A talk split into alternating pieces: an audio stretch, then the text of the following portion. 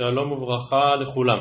אה, בעזרת השם נשלים היום את הפרק השמיני, אחד לפני האחרון במסכת, אה, ונעסוק בשלוש משניות שעוסקות בשלושה נושאים שונים. המשנה הראשונה, כאן בדף פא עמוד א' למעלה, אה, קשורה למושג ריח הגט, שעליו שלחתי מקודם קובץ מתורתו של מורנו הרב ליכטנשטיין.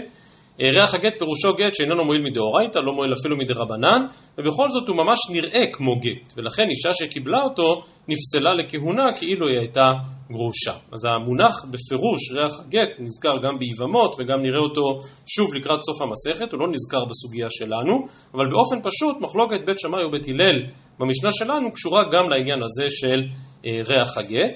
מעבר לשאלה הספציפית הזאת, הסוגיה שלנו קשורה גם לשאלות יסוד שכבר דיברנו עליהן בעולם התנאים, למעמד המדויק של אישה שקיבלה גט על תנאי, כיצד בדיוק אנחנו תופסים את המעמד שלה קודם חלוטו של התנאי, כפי שנראה מיד במשנתנו. ובכן אומרת המשנה דף פ"א עמוד א', כתב לגרש את אשתו ונמלך. אדם כתב גט, הגט כשר לכל דבר ועניין, אבל האישה אינה גרושה.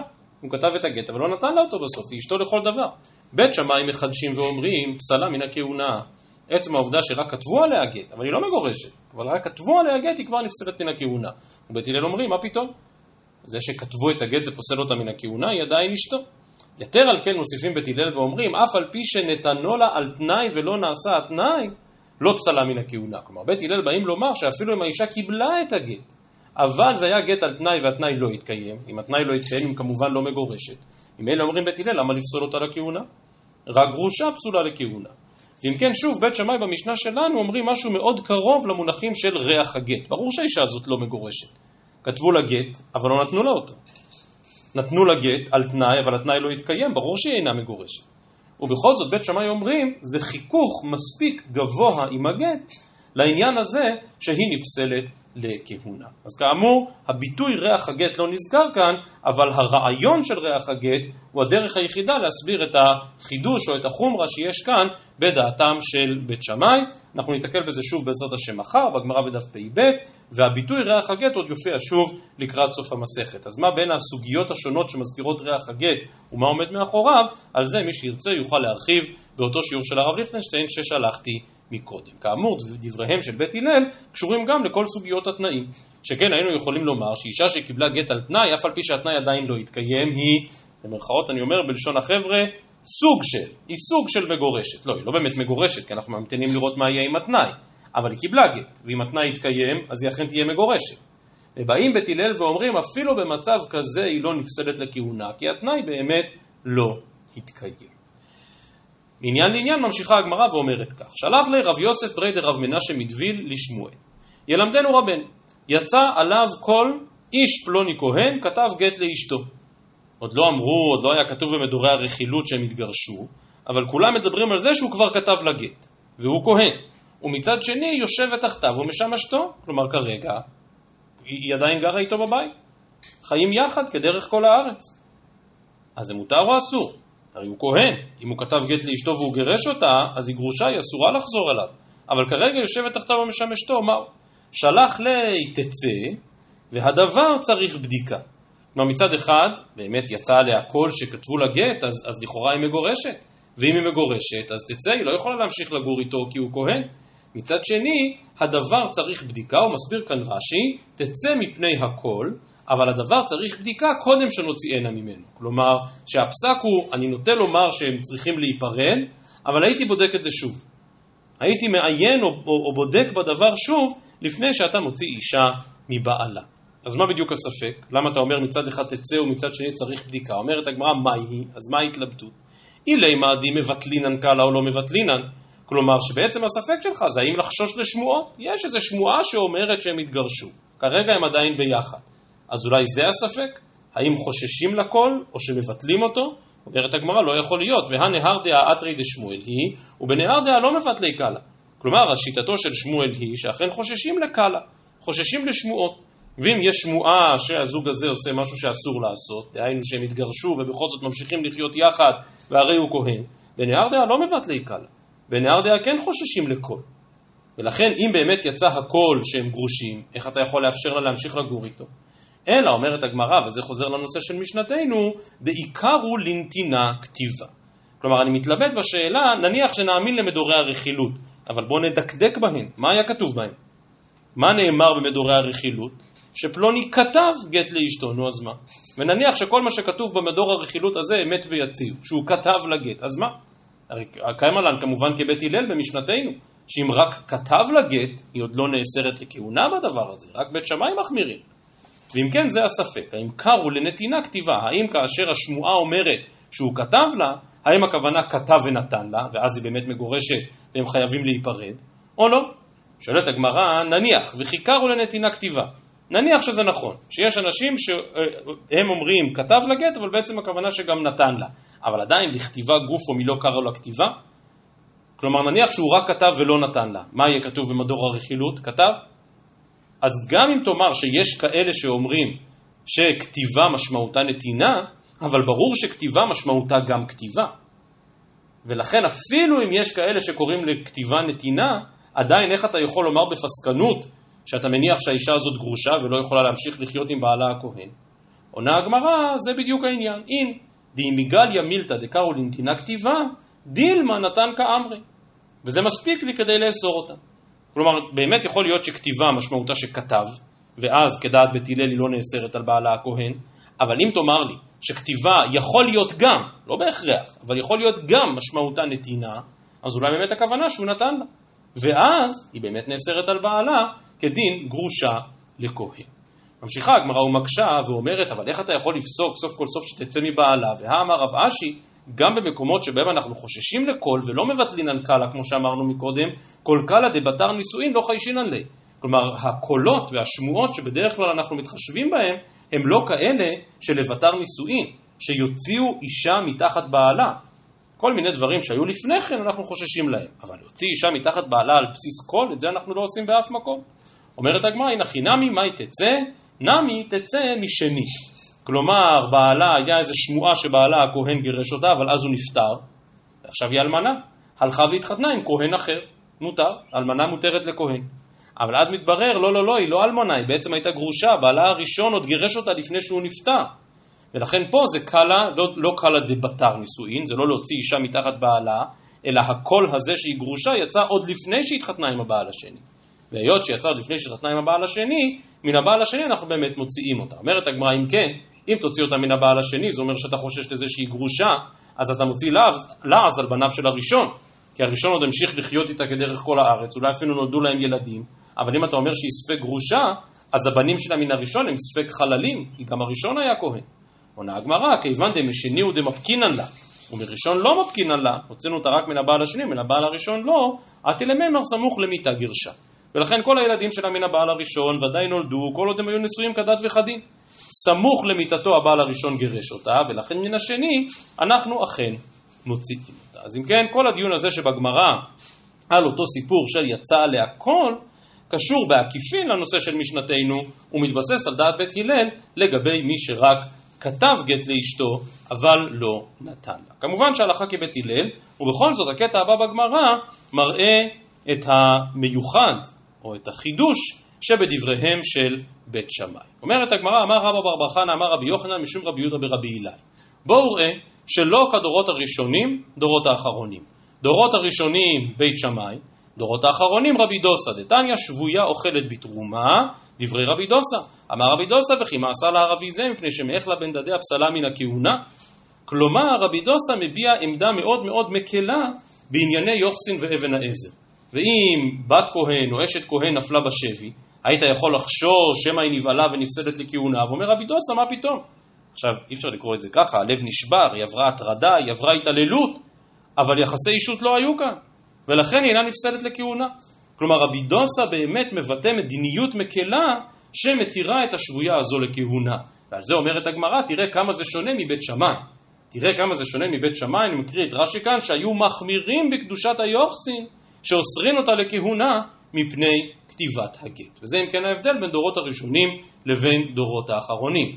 ממשיכה הגמרא ואומרת, וזו מימרה ידועה, ואמר רבא בר חנא אמר רבי יוחנן משום רבי יהודה ברבי אילאי, בואו ראה שלא כדורות הראשונים דורות האחרונים, דורות הראשונים מכניסים פירותיהם דרך טרקסמון, כלומר מהכניסה הראשית, בדרך המלך, כדי לחייבן במעשר, כשהפירות נכנסים הביתה, נקבעים למעשרות וצריך להפריש. דורות האחרונים מכניסים פירותיהם דרך גגות ודרך כרפפות.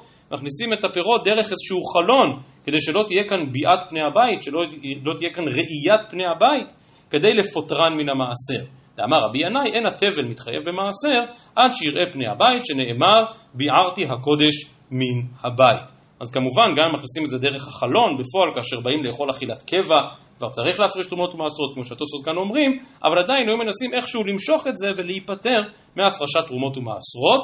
אגב, כל הפתרון לא תקף לפי רבי יוחנן שאומר, אפילו חצר קובעת למעשר, שנאמר, ואכלו בשעריך ושבעו. אז לפי רבי יוחנן, כבר כשנכנס לחצר, הפירות התחייבו, אבל לפי רבי ינא היו עושים מין פטנט כזה, להכניס את הפירות בדרך לא דרך, כדי לפוטרן מן המעשר. ברור שהמימרה השנייה באה לדבר על גנותם של דורות האחרונים ביחס לדורות הראשונים. או בלשון התוספות כאן, קריאת תיגר, כך אומרים התוספות, על הדורות האחרונים.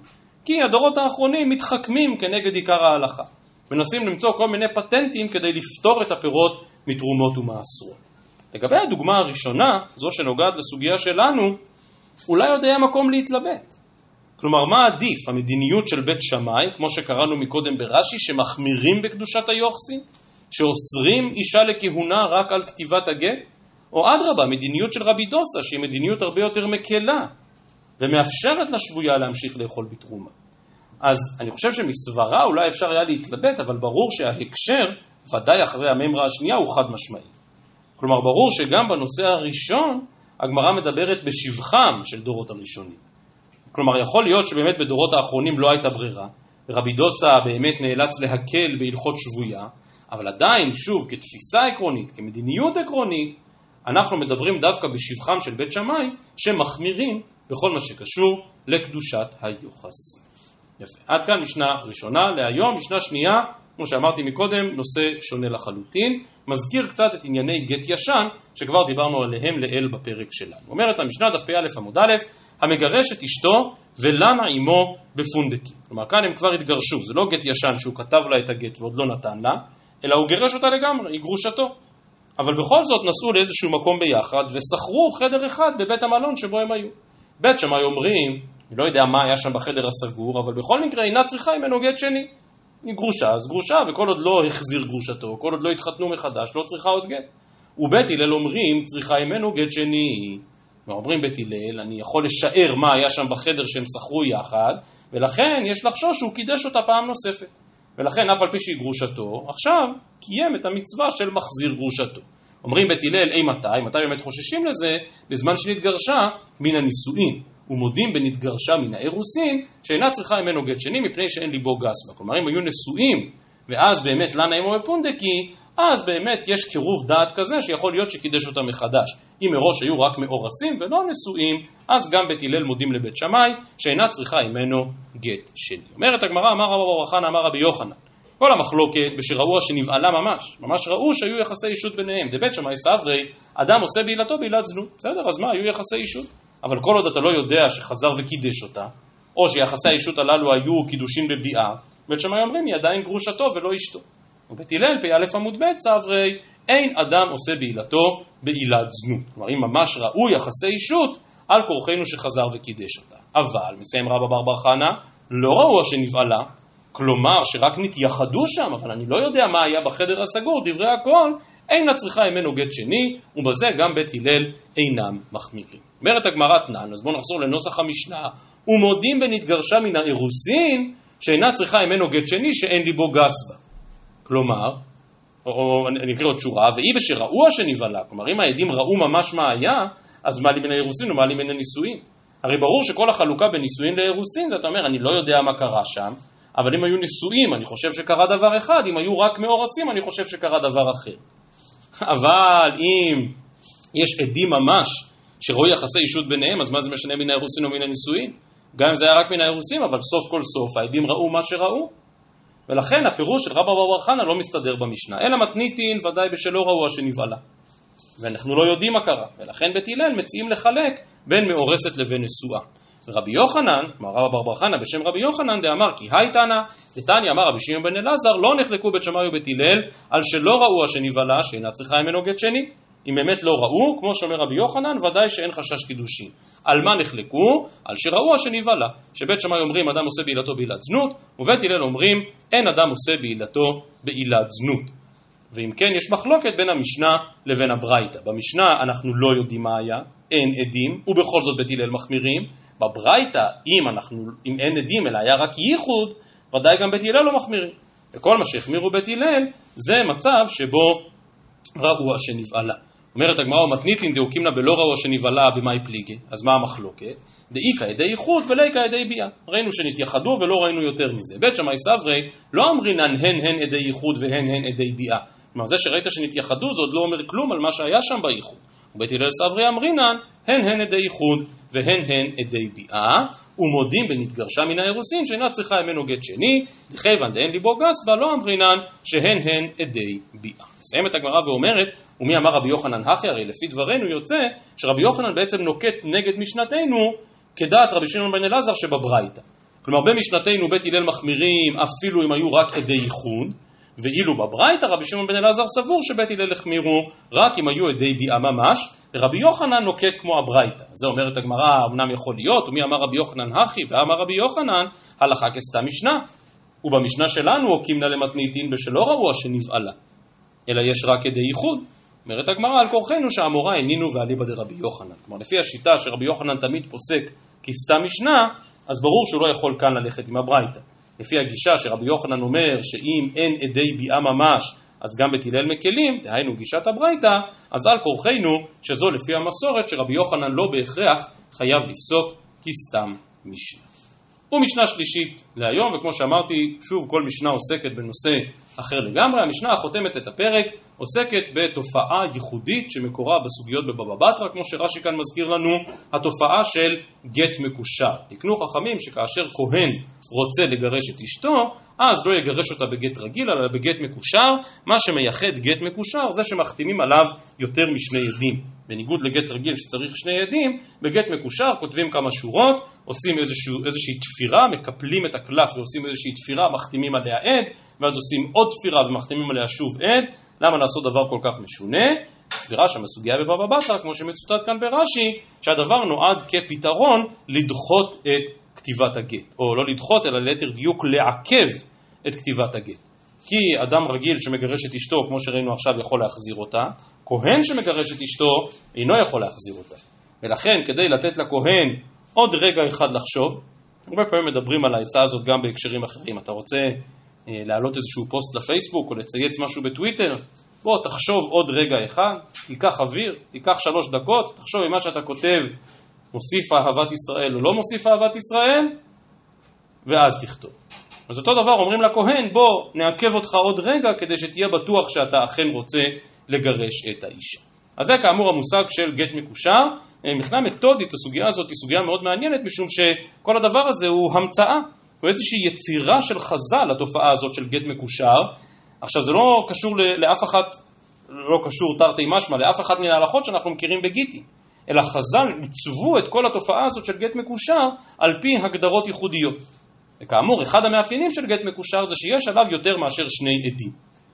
והדיון אצלנו בסוגיה הוא האם בהינתן זה שצריך להוסיף על העדים של גט מקושר, האם העדים הללו חייבים להיות בדווקא עדים כשרים או שאפשר להוסיף גם עדים פסולים. על פניו, מה זאת אומרת עדים פסולים? מה פתאום? תשובה, לא, העדים שבגט מקושר הם לא באמת עדי הגט. גט צריך שני עדים כשרים, וזה מתקיים. היות שבגט מקושר הוספתי עוד קשרים ועוד חתימות ושוב ניסיתי לעכב את התהליך, אז השאלה האם באמת העדים הללו צריכים גם הם להיות עדים כשרים או לא, וזו בדיוק מחלוקת התנאים כאן בסוגייתנו. ובכן אומרת המשנה דף פא עמוד ב', כנסה בגט קרח, גט קרח הכוונה גט מקושר, שלא חתמו עליו מספר העדים שצריכים לחתום עליו. כלומר, על כל קשר צריך חתימה של עד, ונניח עשו אה, חמש קשירות, אבל החתימו רק ארבעה עדים. ואז הגט הוא גט קרח, הוא גט חסר, כי אין עליו מספיק עדים בהתאם למספר החתימות. מדאורייתא, מדאורייתא הגט הזה הוא כשר, יש עליו שני עדים. אבל מדרבנן הוא לא נכתב כהלכתו. ולכן אומרת המשנה ומזכירה לנו את המשניות הקודמות, תצא מזה ומזה בכל הדרכים האלו בה.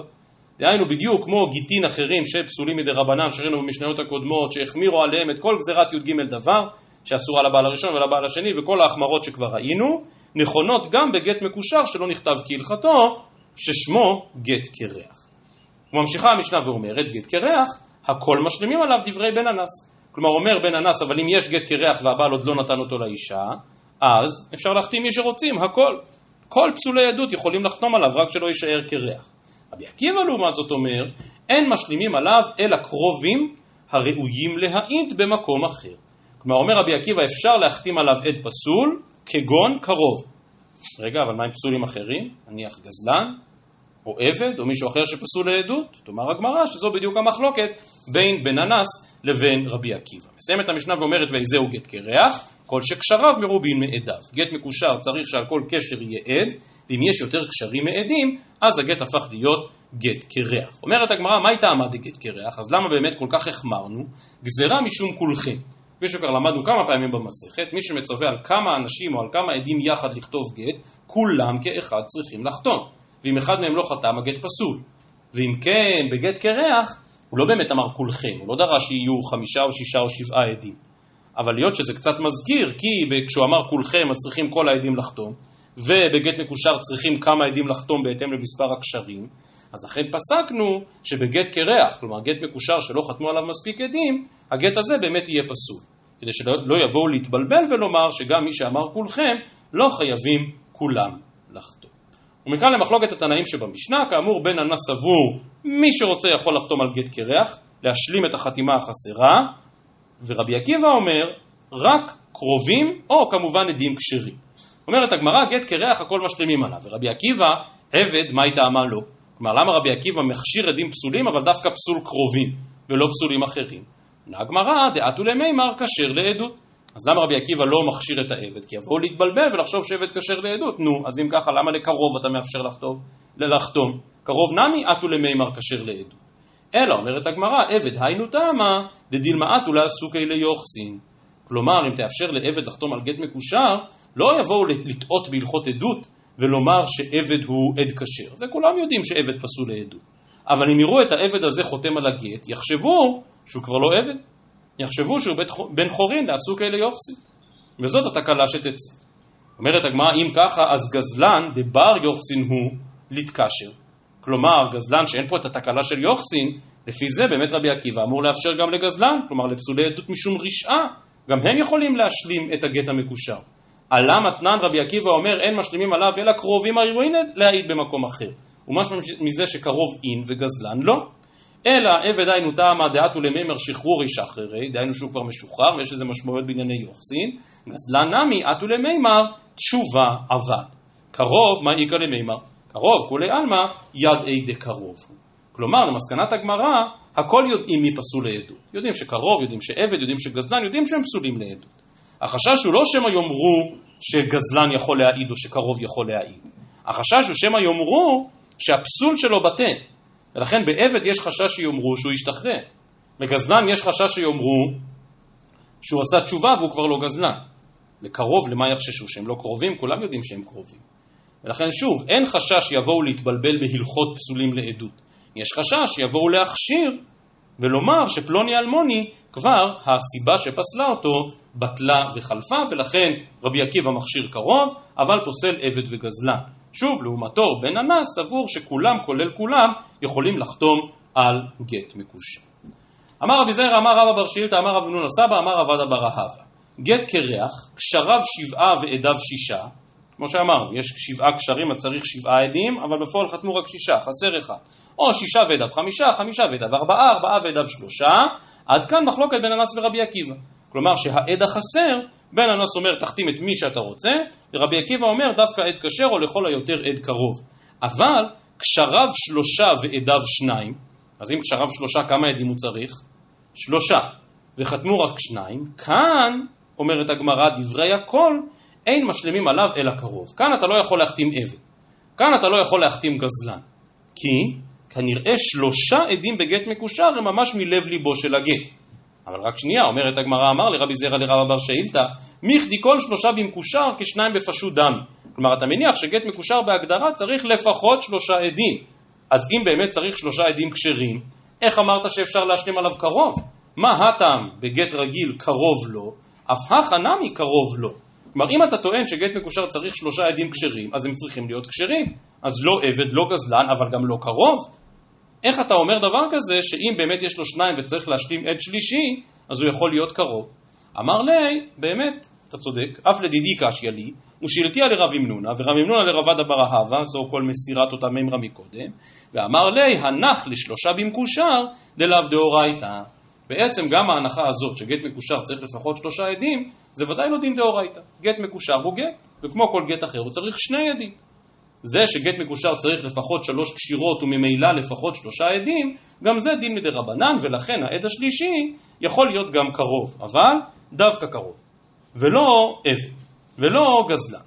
תניא נמי הכי, גט קרח, קשריו שבעה ועדיו שישה, שישה ועדיו חמישה, חמישה ועדיו ארבעה, ארבעה ועדיו שלושה.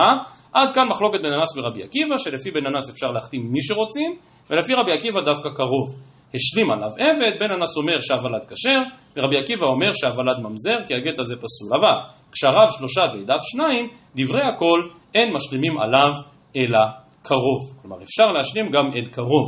רב יוסף מתני כשר. כלומר רב יוסף חולק על מה שראינו עד עכשיו, ורב יוסף אומר אין הכי נמי. הדרישה הבסיסית בגט מקושר היא לשלושה עדים, וממילא שלושתם צריכים להיות כשרים, ולכן גם העד השלישי המשלים גם הוא חייב להיות כשר. שואלת הגמרא על רב יוסף, בסדר, אתה יכול לחלוק על אותה מימרה שהזכרנו מקודם, רבי זיירא, רב אבר שאילתא, רב ימנון הסבא, אבל גם בברייתא זה מה שכתוב. גם הברייתא אומרת שאפשר להשלים עליו קרוב, אז רב יוסף יכול לחלוק על המוראים, אבל לא יכול לחלוק על הברייתא. אז אומרת הגמרא ועתניא קרוב, אמר רב פאפא תנאי כשר. רב יוסף באמת שנה אחרת בברייתא, והבין שאם בגט מקושר יש שלושה קשרים ושני עדים, העד השלישי חייב להיות עד. נסיים את הגמרא בעוד כמה פרטי הלכות לגבי אותו גט מקושר. אמר רבי יוחנן, לא הוכשרו בו אלא עד אחד קרוב בלבד. כלומר, גם לפי רבי עקיבא, אפשר להכשיר רק עד אחד שהוא עד פסול. אבל תרי לא. כלומר, אם יש, אם צריך יותר, אם חסרה יותר מחתימה אחת, אז אי אפשר להחתים שני עדים פסולים. דילמה אטלה קיומי בתרי קרובים וחד כשר. ברגע שאתה מחתים יותר מעד אחד פסול, אז יבואו להתבסס על שני קרובים ביחד וישכחו מהעדים הכשרים. והגט באמת ייפסל. אמר רב אשי מתנית אנא מדייקה דקמדלג ותני חד חד. כלומר כל הדוגמה הזאת שראינו בברייתא, שישה ועדיו חמישה, חמישה ועדיו ארבעה וכולי, למה לא נתת למשל דוגמה של חמישה קשרים ושלושה עדים? ותשלים עוד שני עדים פסולים. למה לא נתנו את הדוגמה הזאת? שמע מינה שאפשר להכשיר רק עד אחד ולא יותר. ועוד, אמר אביי, שמע מינה, היי קרוב, כלומר אותו קרוב שחותם על הגט המקושר, חתים איבאי בין בתחילה, בין באמצע בין בסוף. זה לא משנה איפה, יכול לחתום ראשון, באמצע, בסוף, ממאי, מדלא קבע למקום. כלומר, כמו שאמרתי מקודם, כל ההלכות הללו של גט מקושר זה הכל איזשהו סוג של אה, המצאה של חכמים. ולכן, אין לך בו אלא חידושו. מזה שלא מצאנו בכל הדיון עכשיו במשנה בברייתא הגדרה לגבי מיקום החתימה, שצריך לחתום ראשון, צריך לחתום אחרון וכולי, מכאן באמת יש להסיק שהוא יכול לחתום איפה שרוצים. ושמע מינה, מכל תלתא מקיימינן ולא באינן רצופין. כלומר, שבאמת כאשר נבוא אחר כך לקיים את הגט, אז אנחנו יכולים לבחור שלושה, מזה שהעד הפסול, העד הקרוב, יכול לחתום בכל מקום לאורך הגט המקושר, מזה באמת משמע שכאשר נבוא לקיים את הגט אנחנו לא צריכים שלושה עדים ביחד, אלא ניקח את הראשון, את השני ואת הרביעי, כי במקום השלישי חתם עד פסול. מכל תלתא, כמו שאמרנו, גט מקושר צריך שלושה עדים, מקיימינן ולא באינן רצופים. דיסק עדייתך באינן רצופים, אז באמת היה צריך לקבלי מקום, אז היה צריך לקבוע איפה העד הקרוב יחתום, בהתחלה, באמצע או בסוף, ולכשר בי טובה. כי עטו לקמא דרבי עמי, אמר לי, צבע שלם עליו עבד מן השוק. כלומר, כאשר היו מביאים גט קרח לרבי עמי שצריך להשלים בו חתימה, פסק להדיא כבן אנס ולא כרבי עקיבא, ואמר שאפשר להשלים עליו אפילו עבד, ולאו דווקא עד קרוב. אדרן הלך הזורק, בזה סיימנו עם אה, הגט המקושר והלכותיו, יש פרק שלם בבבא בתרא שעוסק בעניינים הללו של גט מקושר, כאן הוזכר רק עיקרו של דבר, ובעזרת השם נמצאת השבת, הפרק האחרון במסכת, אה, שעוסק בכמה וכמה מן הסוגיות העקרוניות ביותר בעולם הגיטין, הן לגבי כריתות, הן לגבי השאלה אימתי ולמה מגרשים. אה, סיום מסכת גיטין יתקיים בעזרת השם ביום ראשון, לא הקרוב, זה שאחריו, אבל עוד חזון למועד, ותבוא על כך הודעה, שבת שלום ומבורך לכולכם.